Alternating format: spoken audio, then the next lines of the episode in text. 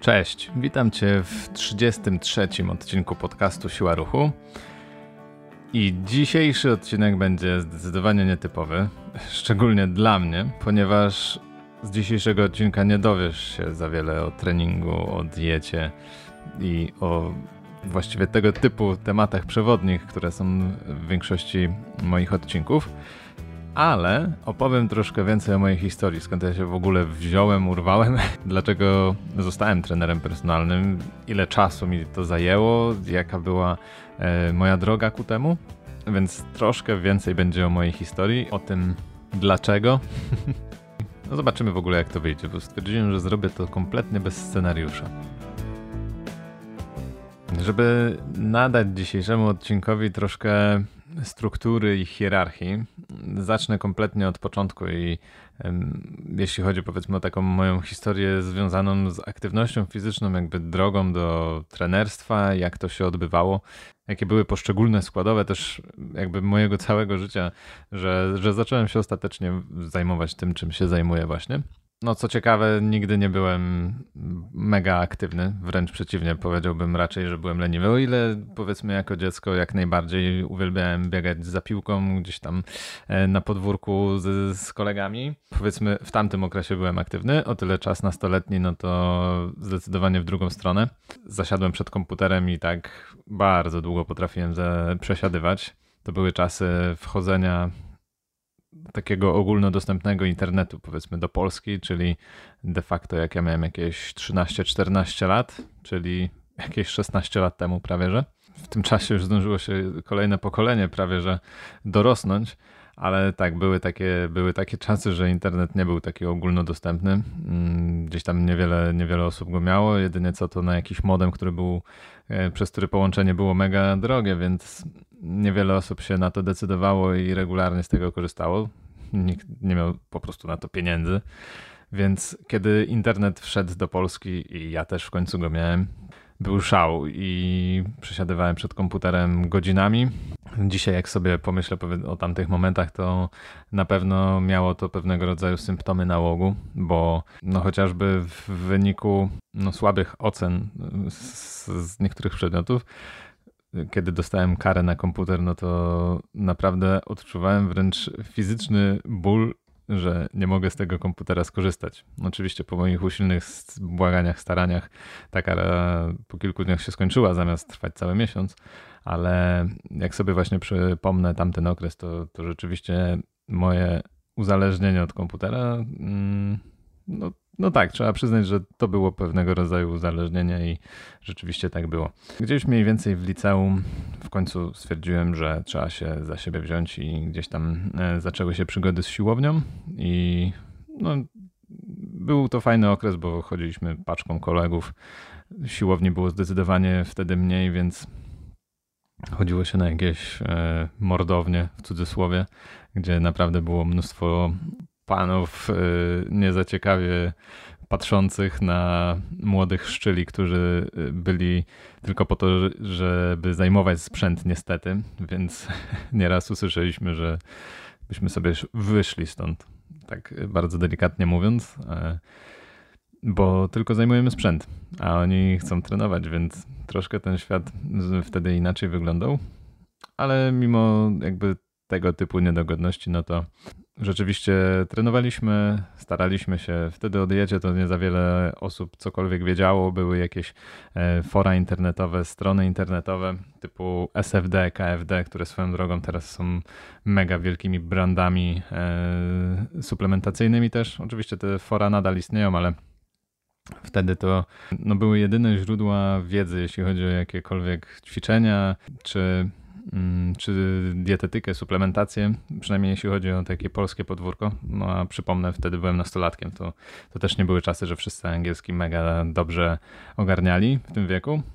Raczej z tych polskich źródeł e, korzystałem, żeby jakkolwiek się czegokolwiek dowiedzieć, bo zawsze miałem taką dużą potrzebę, żeby wiedzieć więcej na temat tego, co robię. Czyli jeśli rzeczywiście zająłem się wtedy treningiem i mega w to wsiąknąłem, to chciałem wiedzieć o tym możliwie jak najwięcej i możliwie jak najbardziej efektywnie wykorzystywać czas na tym treningu, żeby nie robić pewnych rzeczy, które wydają mi się bez sensu. No a w wyniku jakichś tam między sobą koleżeńskich rozmów, jeden mówił, że o, tam jest dużo ryżu, to będziesz wielki, albo ryż ma dużo białka i inne tego typu rzeczy i coś mi się tu nie zgadzało w momencie, kiedy kolega potrafił wcisnąć w siebie 8 worków ryżu, bo wychodzili, wychodził z założenia, że jeśli ryż jest biały, to ma dużo białka. No coś mi tutaj nie grało, więc ja drążyłem temat i szukałem głębiej, o co w tym wszystkim chodzi. No i tak, w ryżu nie ma za dużo białka, i to, że jest biały, to nie znaczy, że tam jest białko. To tak w celu sprostowania. Y, te fora no, były jedynymi źródłami wiedzy. Moje pierwsze spotkania i styczność z dietą polegała na tym, że wydawało mi się, że wtedy na diecie trzeba tak bardzo, raz, że rygorystycznie się odżywiać, dwa, że tak bardzo sucho, czyli na przykład solić w ogóle nie można i moim pierwszym daniem dietetycznym takim, to rzeczywiście sobie zrobiłem, no bo wiadomo jak to w nastoletnim życiu, to jeszcze mama gotuje często, więc to był taki bardzo suchy ryż z kurczakiem, z filetem, w żaden sposób nie pokrojonym w kostkę w nic, tylko takim po prostu położonym filetem, obsypanym e, ziołami prowansalskimi i to wszystko. Więc e, bez żadnych warzyw, bo, e, bo w tamtym czasie nie, nie przepadałem za, za warzywami, więc było to mega suche, mega jałowe i no niezbyt smaczne, więc Moja dieta skończyła się po jakichś trzech dniach, ale no mimo powiedzmy tej braku diety, ale dzięki zaangażowaniu właśnie na treningach i jakby dowiadywaniu się coraz więcej, jeśli chodzi o, o właśnie trenowanie, no to efekty były całkiem zadowalające, tym bardziej no młody organizm bardzo szybko łapie i mm, wykorzystuje nowe bodźce. A zastosowałem wtedy najprostszą z możliwych diet, czyli nie, nie kolacji i oczywiście dzisiaj powiedziałbym, że no okej, okay, można tak zrobić, ale można też inaczej, no ale wtedy było to, można powiedzieć w cudzysłowie, jedyne rozwiązanie, żeby zgubić no, troszkę za dużo kilogramów, które mi się nazbierały e, w wyniku właśnie tego, tego wielogodzinnego przez wiele lat siedzenia przed komputerem. Jakąś sylwetkę, powiedzmy zadowalającą dosyć na tamten czas udało się uzyskać, ale przyszedł czas studiów, który dla mnie no oczywiście, jak to bywa, był imprezowy e, na początku, później poznałem dziewczynę, później z jednych studiów zrezygnowałem e, i zanim wziąłem się za kolejne, to no, trzeba było coś robić, więc poszedłem do pracy. Moją pierwszą pracą była praca w Lidlu. Bardzo dobrze wiem, jak to jest rozkładać towar albo kasować na kasie i e, mam cały czas mnóstwo podziwu i szacunku do tych osób, które pracują w tego typu sklepach, bo dokładnie wiem o co w tym wszystkim chodzi i jak bywa nieprzyjemnie. No sama praca nie jest lekka, więc kompletnie straciłem ochotę wtedy na, na trenowanie i gdzieś po prostu to zniknęło. I mimo tego, że tą pracę zmieniłem na coś dla mnie lepszego, chociaż była to i tak praca na magazynie, na którą ją zmieniłem, więc jakby nic poważnego wielce, jednak no te zajęcia były dosyć wymagające fizycznie też, więc po prostu byłem po tej pracy zmęczony i gdzieś ta chęć jakiegoś rodzaju budowania sylwetki czy wydolności tego typu rzeczy e, zniknęła na jakiś czas. No i znowu wrócił temat właśnie komputera, starych złych nawyków. Dodatkowo już byłem w zupełności pełnoletni, więc e, alkohol, więc troszkę tych takich niezbyt dobrych nawyków mi się nazbierało, czyli właśnie alkohol wieczorkiem, mm, czy to szklanka whisky, czy, czy kilka piwek, e, niezbyt mądre, dobre jedzenie, czyli często przetworzone, często jakieś mrożone e, obiady, nic takiego poważnego i zbilansowanego, no plus brak ruchu poza powiedzmy takim fizycznym w pracy. Więc to znowu skutkowało nabraniem kilku kilogramów za dużo. A jeszcze wtedy papierosy paliłem. No tak, teraz mi się przypomniało, że e, zacząłem od e, palenia papierosów. I to było chyba na koniec, na początku studiów. No, więc e, całe spektrum złych nawyków i przyzwyczajeń, które no, z czasem na szczęście dały o sobie tyle znać, że można powiedzieć, że się opamiętałem w pewien sposób. E, czyli w momencie, kiedy zacząłem już coraz większe rozmiary ciuchów kupować, gdzieś ten brzuch zaczął mi za bardzo zwisać i za bardzo przeszkadzać, to stwierdziłem, że coś tu jest nie tak i trzeba się opamiętać powolutku. Wróciłem do trenowania na siłowni. Zacząłem od y, treningów w domu. I w tym celu kupiłem ławeczkę, kilka sztangielek. Na tamte czasy to, to, nawet nie był mega duży wydatek, bo tam kilkaset złotych. W dzisiejszej dobie koronawirusa to pewnie zapłaciłbym kilka tysięcy za ten zestaw. No w każdym razie wtedy było to wystarczające i zaraziłem na szczęście też do tego swojego brata i trenowaliśmy razem. A później no, zaczęło troszkę brakować możliwości yy, i tego sprzętu. Zresztą ja też wtedy nie miałem wiedzy takiej, jaką mam teraz, więc nie do końca wiedziałem, na czym się skupiać też i jak można modyfikować chociażby ten trening w domu. No więc wróciłem do siłowni, co prawda nie z niezbyt jakąś wielką regularnością i częstotliwością, bo to były tylko dwa razy w tygodniu treningi, ale mimo wszystko mm, gdzieś tam się to znajdowało. I to był też okres, kiedy w wyniku właśnie mojego długotrwałego siedzenia znowuż mm, przed komputerem bardzo mocno nasiliły mi się bóle pleców. Teraz wiem, z czego one wynikają i wiedziałbym, jak sobie z nimi poradzić. No jednak wtedy moim rozwiązaniem było to, żeby po prostu nie obciążać tych pleców dodatkowo na siłowni. E, I pomysłem na to, no, dzisiaj powiem, że beznadziejnym pomysłem, ale wtedy pomysłem na to było to, żeby w ogóle nie trenować dołu, nie trenować nóg, no bo robiłem jakieś przysiady, wykroki i zaraz y, mi się odzywały plecy. Teraz wiem, że wynikało to z tego, że e, miałem napięty bardzo mocno mięsień biodrowo-lędźwiowy, trzeba by go rozluźnić, ten dół oczywiście trzeba by wzmacniać i różnego rodzaju ćwiczenia prewencyjne też y, wdrażać, no ale wtedy nie miałem takiej wiedzy. I powiedzmy, że radziłem sobie tak jak umiałem, więc jakby takie było moje rozwiązanie niestety. No, z czym e, dosyć długo później musiałem się zmagać, czyli z dosyć dużą dysproporcją pomiędzy e, górą a dołem. Chodzi mi tutaj o raz, że rozbudowanie mięśni, dwa, że e, żeby nadgonić siłę tego dołu, jak i też generalnie balans mięśniowy, no było bardzo trudno i wymagało to dużo czasu i cierpliwości. Mimo powrotu na treningi ja czułem, że czegoś mi brakuje i że generalnie coś jest nie tak. Trenowałem wtedy no, dwa razy w tygodniu, bo byłem w takim związku, że gdzieś tam tej drugiej osobie to nie do końca odpowiadało, że miałbym to robić częściej. To nie było dobre w żadnym wypadku. Teraz wiem, że no, takie związki nie są do końca przyszłościowe. No zacząłem cały czas, mimo tych tylko dwóch razy w tygodniu, e, się rozwijać w stronę właśnie poszerzając wiedzę odnośnie treningu i wiedzy. Cały czas gdzieś tam e, chłonąłem te informacje z internetu oczywiście. Przede wszystkim wtedy też e, jakiegokolwiek rodzaju kursy nie mówiąc już o kursach online, ale o takich kursach stacjonarnych, to była duża rzadkość i mało wiedzy też było na ten temat, czy coś takiego się odbywa, czy nie. Chłonąłem to wszystko, co się dało z internetu. Niektóre, niektóre informacje były ok, były, miały zastosowanie w, rzeczywiście w praktyce, inne wydawały się ok i wychodziło dopiero po jakimś czasie, że tak naprawdę one nie mają za wiele wspólnego z rzeczywistością, także można powiedzieć w cudzysłowie, że padłem ofiarą raz, że oczywiście swojej niewiedzy, no bo jakby tylko i wyłącznie ostatecznie wszystko zależy od naszych decyzji i tego, co ze sobą robimy, ze swoim ciałem, ale słuchałem się też osób, które też same nie miały do końca wiedzy na ten temat, a przekazywały ją gdzieś dalej.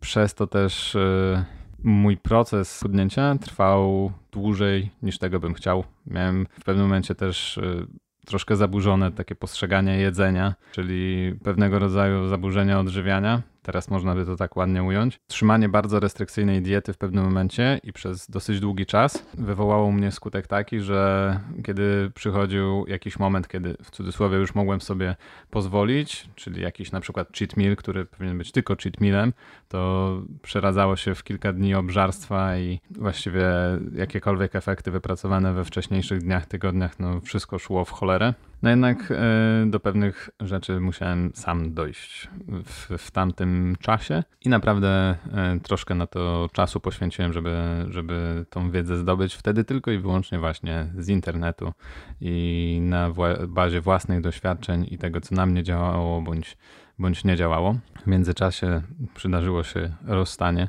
i nagle miałem bardzo dużo wolnego czasu, można by powiedzieć. Właściwie po pracy nie za bardzo miałem co ze sobą zrobić, więc cały ten czas poświęcałem na siłownię. No może nie do końca cały, to no, tak na dobrą sprawę były cztery razy w tygodniu, z tego co pamiętam. Możliwe, że w pewnym momencie pięć, ale dzięki takiemu bardzo dużemu sfokusowaniu, no udało mi się naprawdę dobrą sylwetkę i dobrą formę wtedy zrobić. Nawet przebiegło mi przez myśl, żeby zacząć startować w zawodach, bo zaczynało się to robić troszkę powiedzmy popularne, jakby dostępne. O, może tak. W zawodach sylwetkowych y, dopiero zaczynała raczkować e, taka kategoria jak męska sylwetka, która jest dosyć nie powiem, że łatwa do osiągnięcia, bo oczywiście pracę trzeba w nią włożyć, żeby, żeby dojść do takiej sylwetki, żeby w ogóle stanąć na scenie i nie mówiąc już o tym, żeby osiągnąć jakieś rzeczywiście rezultaty, czyli na przykład top 3. Jest to kategoria taka przystępna, gdzie rzeczywiście jest szansa, szczególnie w tamtych czasach, kiedy nie była mocno popularna, że można było coś osiągnąć rzeczywiście trenując naturalnie. W swojej historii nigdy nie miałem żadnego doświadczenia z e, mocniejszymi suplementami, tak to nazwijmy. Jednak gdzieś tam z czasem zrezygnowałem z tego pomysłu, jeśli chodzi o starty, ale przez właśnie zebranie doświadczenia i mm, przez te poprzednie lata i też dzięki mm, temu, że udało mi się samemu doprowadzić siebie do takiej naprawdę bardzo dobrej formy, z której byłem mega zadowolony, zacząłem się zastanawiać, czy nie iść w to zawodowo. I wtedy trener personalny, powiedzmy taki zawód jak trener personalny, no dopiero raczkował. E, co prawda Facebook Instagrama jeszcze nie było za bardzo. Facebook już zaczął nabierać na popularności w Polsce i coraz więcej, tym bardziej jeśli ja się tym interesowałem, zauważałem profili e, typu imię, nazwisko, trener personalny i tak patrzę, kurczę, ktoś się rzeczywiście czymś ciekawym zajmuje, to, to może być fajna, fajna ścieżka. I o ile praca na magazynie była ok, o tyle nie zaspokajała moich ambicji i myślałem, kombinowałem, jak się powiedzmy z tego wyrwać, jak, jaką ścieżką podążyć i w którą stronę, bo gdzieś tam miałem momenty takiego zawahania, co tu dalej w życiu robić. Nie chciałem całe życie spędzić na magazynie, więc tym bardziej, że nie byłem wtedy z nikim związany, nie byłem w żaden sposób przywiązany do żadnego miejsca, więc zastanowiłem się, czy nie pójść w stronę trenera personalnego. Zrobiłem jeden kurs, taki dosyć podstawowy w Szczecinie, bo, bo, ze Szczecina się wywodzę. Kurs na instruktora kulturystyki i fitnessu, jakoś tak to się nazywało. Bo sądziłem, że jeśli e, mam zacząć pracę jako trener personalny, no to muszę jakimś, w cudzysłowie, papierkiem się przedstawiać. Co oczywiście nie ma zupełnego sensu, szczególnie w dzisiejszych czasach. Nikt e, na to nie, zwra nie, zwraca uwagi. Jednak wtedy, żeby na przykład zatrudnić się na siłowni, często wymagane było jakiegoś rodzaju udowodnienie e, swoich kompetencji, tak to nazwijmy. Jednak sam kurs, no jak się okazało, mm, no był beznadziejny. To trzeba powiedzieć wprost. I gdybym nie wszedł tam już z jakąś wiedzą wcześniej, raz, że na bazie właśnie swoich doświadczeń, dwa, że tego, co gdzieś tam obserwowałem w internecie, jakby ta jakość wiedzy już była zdecydowanie większa w internetach, e, no to wyszedłbym z tego kursu no, głupi. Oczywiście mam tutaj na myśli taką wiedzę, którą miałbym przekazywać ludziom. No to naprawdę szkoda, ponieważ e, jak się okazało, naszymi instruktorami był instruktor tańca. Przypomnę, że kurs y, to był kurs na instruktora kulturystyki i fitnessu, ale jakby no, instruktor tańca, instruktor kulturystyki, no to troszkę od siebie jest co innego. I jakby rozumiem, że ktoś może być zamiłowania, powiedzmy, kulturystą czy tam instruktorem tego, plus dodatkowo zajmować się tańcem no ale ta osoba nie była, bo nie odróżniała chociażby takich bardzo prostych i podstawowych ćwiczeń jak normalny martwy ciąg od martwego ciągu na prostych nogach, gdzie jest dosyć zasadnicza różnica i o ile ja pracując z moimi podopiecznymi zadaję na zupełnie, w zupełnie innych wypadkach te dwa osobne ćwiczenia, a tutaj osoba, która jest instruktorem, która ma wyszkolić kolejnych instruktorów, którzy mają przekazywać większej ilości osób wiedzę, no nie zna e, takiej podstawowej różnicy, więc uważam, że jest to bardzo słabe. No, drugi instruktor to był trener karate. No i tutaj jakby sprawa była tego samego rodzaju. No jakość tej wiedzy była bardzo kiepska, więc wtedy pomyślałem, że e, jeśli rzeczywiście chcę się rozwinąć w, w tą stronę, no to powinienem troszkę szerzej na to spojrzeć I o ile w międzyczasie gdzieś tam załapałem się na jakąś siłownię w Szczecinie, ale na, te, na wymiar godzin raz w tygodniu, plus dodatkowo raczej e, byłem wykorzystywany tam do przynieść podaj pozamiataj, więc niż do pomocy rzeczywiście klientom, to jakby to doświadczenie nie było zbyt wielkie. Jednak stwierdziłem, że żeby się rozwinąć, powinienem pójść na studia. Czyli pierwszym moją myślą było to, żeby pójść na AWF. Kiedy zawiodłem się na kursach, stąd y, jakby moją pierwszą myślą było to, żeby pójść na właśnie studia. Może dowiem się czegoś więcej, będzie ta wiedza bardziej specjalistyczna, y, będę lepiej mm, postrzegany na rynku pracy. Więc stąd moja myśl o AWF-ie. I wybrałem ku temu AWF Poznań. Stąd moja przeprowadzka do Poznania i oto jestem w Poznaniu. Udało się dostać, jakby to, to nie było nawet w sumie problemem. Na szczęście matura, mimo y, niezbyt wielkiego zamiłowania do nauki, poszła mi całkiem dobrze, więc jakby nie było problemem, jeśli chodzi o WF. Jednak e, sama WF znowuż mnie bardzo mocno rozczarował, ponieważ no ja szedłem na niego, żeby rzeczywiście zgłębić takie zagadnienia, które będą mi pomocne w później pracy trenerskiej. Więc szedłem przede wszystkim z nastawieniem na anatomię, na fizjologię, na biomechanikę, czyli jakby te przedmioty, których nikt nie lubi, których wszyscy, których yy, ludzie się obawiają na AWF-ie, no to jakby to one były dla mnie podstawą, której się zdecydowałem właśnie na te studia. Jednak kiedy przyszedłem na, na pierwsze zajęcia z anatomii, okazało się, że no podejście prowadzącej, pamiętam, że to była pani, mm, no nie było takie, jakiego bym sobie oczekiwał, więc jeśli przychodzę na studia, na zajęcia i ktoś mi mówi na dzień dobry, żebym przeczytał sobie na kolejne zajęcia za dwa tygodnie od strony pierwszej do pięćdziesiątej i będzie kolekwium i dziękuję, do widzenia, no to ja wiedziałem, że ja jestem w stanie to sam sobie zrobić bez żadnego nakazu, po prostu w domu i w ten sposób wiedzę zgłębić, a nie uczyć się dodatkowych jeszcze przedmiotów, które były dla mnie kompletnie bezużyteczne, jak na przykład historia kultury fizycznej albo siatkówka, która jest przedmiotem na AWF-ie i tam się zdaje rzeczywiście jakieś rzeczy, zagadnienia z siatkówki też od strony teoretycznej, które są dla mnie kompletnie raz, że niepotrzebne, dwa, że tego nie lubię, nie jestem fanem siatkówki, trzy, że no w siatkówkę nie umiem grać za bardzo, więc było to dla mnie udręką. A jeśli chciałem właśnie dojść do przedmiotu, który by mnie interesował, czyli na przykład biomechanika, który był na drugim roku, musiałbym przez siatkówkę przejść, niestety. A oczywiście istniało też ryzyko, że prowadzący bądź prowadząca od biomechaniki podejdzie tak samo jak prowadząca od anatomii, czyli będę miał sobie wykuć wszystko ładnie w domu, w moim wypadku akurat w akademiku i dziękuję. Jakby to, to było kompletnie podejście, które mnie w żaden sposób nie motywowało, wręcz przeciwnie, bo rzeczywiście zrezygnowałem ostatecznie z działania na AWF-ie, zrezygnowałem z tych studiów. Na szczęście w tak zwanym międzyczasie udało mi się zatrudnić w fabryce formy w Kinepolis, do, w której działałem przez kolejne 5 lat i w której na chwilę nagrywania tego podcastu nadal działam, chociaż nie wiem, w którym momencie go słuchasz, więc możliwe, że już nie działam. W każdym razie udało mi się, mimo tylko posiadania właśnie tego papierka instruktora kulturystyki i fitnessu, mimo posiadania tylko jakby formalnie tej wiedzy, udało mi się dostać pracę właśnie w fabryce formy. Na początku jako instruktor, florowy, tak oni to nazywali, czyli byłem od takiej doraźnej pomocy osobom na sali, a z czasem mm, ta praca przerodziła się w to, czym zajmuję się teraz, czyli rzeczywiście pracuję z osobami indywidualnie i współpracujemy jeden na jeden i to jest moje główne zajęcie, główne źródło dochodów też. I mniej więcej tak to wyglądało. To była taka moja ścieżka do zostania trenerem personalnym, że, że mniej więcej tak to wyglądało.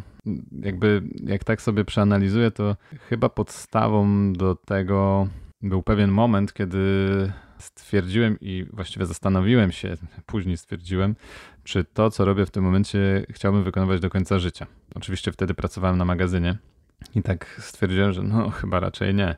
Zauroczyło mnie wtedy takie spojrzenie mm, na świat i na pracę y, w ten sposób, żeby y, robić to, co się kocha, no to wtedy się nie przepracuje ani jednego dnia. No i to jest takie piękne chwytające oczywiście za serce. Łatwo się na to złapać w ogóle, ponieważ no ja wtedy miałem fazę, że sądziłem, że tak lubię ćwiczyć i tym się zajmować, powiedzmy, jeśli chodzi o siebie, więc ścieżka trenera personalnego to będzie na pewno idealna dla mnie. Na pewno bardzo będę lubił to robić i to będzie idealna praca, będę mógł całe życie to robić. Poza tym wtedy było, było spojrzenie takie, że trenerzy całkiem nieźle zarabiają, więc była to dodatkowa motywacja. Jednak, e, jak się okazało, bycie trenerem to troszkę co innego niż trenowanie samemu. Przez to rzeczywiście przeżyłem wiele wzlotów i upadków. tak to nazwijmy, jeśli chodzi o moją wiarę w swoje też umiejętności ale to wynikało tylko i wyłącznie z tego, że ja podszedłem do tej pracy z troszkę innymi założeniami niż rzeczywiście jest i niż świat funkcjonuje. Oczywiście to nie jest tak, że ja nie lubię swojej pracy. Ja swoją pracę bardzo lubię i bardzo lubię osoby, z którymi też pracuję na co dzień i jakby bardzo mi to odpowiada, ale musiałem się tego nauczyć, można by powiedzieć. To, to nie jest tylko i wyłącznie to, że ja lubię trenować, to będzie mi super szło w ogóle trenowanie innych ludzi i to jest zupełnie inna bajka i e, polega, można powiedzieć, tak naprawdę na zupełnie czym innym. Więc w pewien sposób można by ująć, że moja praca trenerska jest troszkę z przypadku, ponieważ wydawało mi się, że to będzie fajne i tak będę chciał. Okazało się, że jest troszkę inaczej niż sobie to wyobrażałem, ale, ale i tak jak najbardziej jest to dla mnie i satysfakcjonujące i bardzo budujące, kiedy rzeczywiście mogę swoją wiedzą, doświadczeniem komuś pomóc i często w pewien sposób odmienić e, życie tej osoby i jakkolwiek przyczynić się do poprawy jakości tego życia też. Więc y, no jest to niesamowite uczucie i na pewno pracując na magazynie bardzo rzadko można czegoś takiego doznać.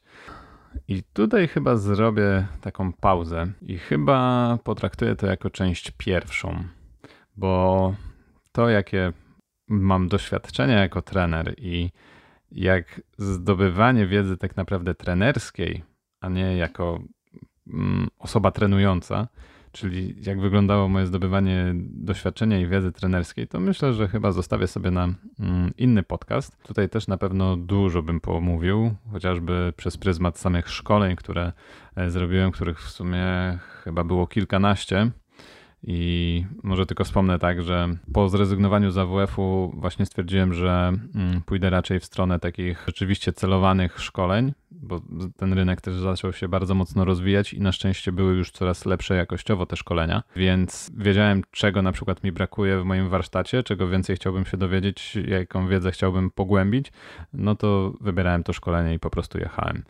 To, to była bardzo dobra decyzja, żeby pójść w tą stronę, a nie marnować kolejnych lat na AWF-ie, ale same doświadczenia właśnie z tych, z tych zarówno szkoleń, warsztatów, jak i samej mojej pracy, to tak jak wspominałem, zostawię sobie już na, na kolejny odcinek tego cyklu, tak to ujmę, bo, bo na pewno to też e, będzie ciekawe z perspektywy trenera, jak wygląda praca z podopiecznymi, e, jak ona się kształtuje czasem, ile wymaga ode mnie pracy praca z podopiecznymi. Tutaj bardzo dużo psychologii wchodzi w grę. Wbrew pozorom czasami się śmieję, że minąłem się z powołaniem troszkę i powinienem chyba iść na psychologię raczej, a nie na trenerkę. Ale, ale to tak jak mówię, to już na kolejny odcinek podcastu. A tymczasem dziękuję Ci za wysłuchanie dzisiejszego odcinka. Był on troszkę taki eksperymentalny dla mnie. Mam nadzieję, że Ci się podobało. Jeśli jest dla Ciebie to interesujące, co mówię, to będzie mi bardzo miło, jeśli podzielisz się tym odcinkiem ze swoimi znajomymi w social mediach. Dodatkowo zapraszam Cię na moją stronę internetową siłaruchu.pl, gdzie możesz zapisać się na bezpłatną konsultację ze mną. Porozmawiamy o treningu i odżywianiu, z czym masz trudności, z czym masz problemy i jak możesz te problemy rozwiązać. Ja Ci w tym pomogę, więc wystarczy, że y, wpiszesz sobie wyszukiwarkę moją stronę albo klikniesz na dole w opisie tego podcastu. Tam na dzień dobry pojawi Ci się duży czerwony guzik, który wystarczy kliknąć i przekieruje Cię on do mojego kalendarza na Facebooku i wystarczy zarezerwować termin porozmawiamy sobie online. Także jeszcze raz dziękuję Ci za wysłuchanie dzisiejszego odcinka i do usłyszenia.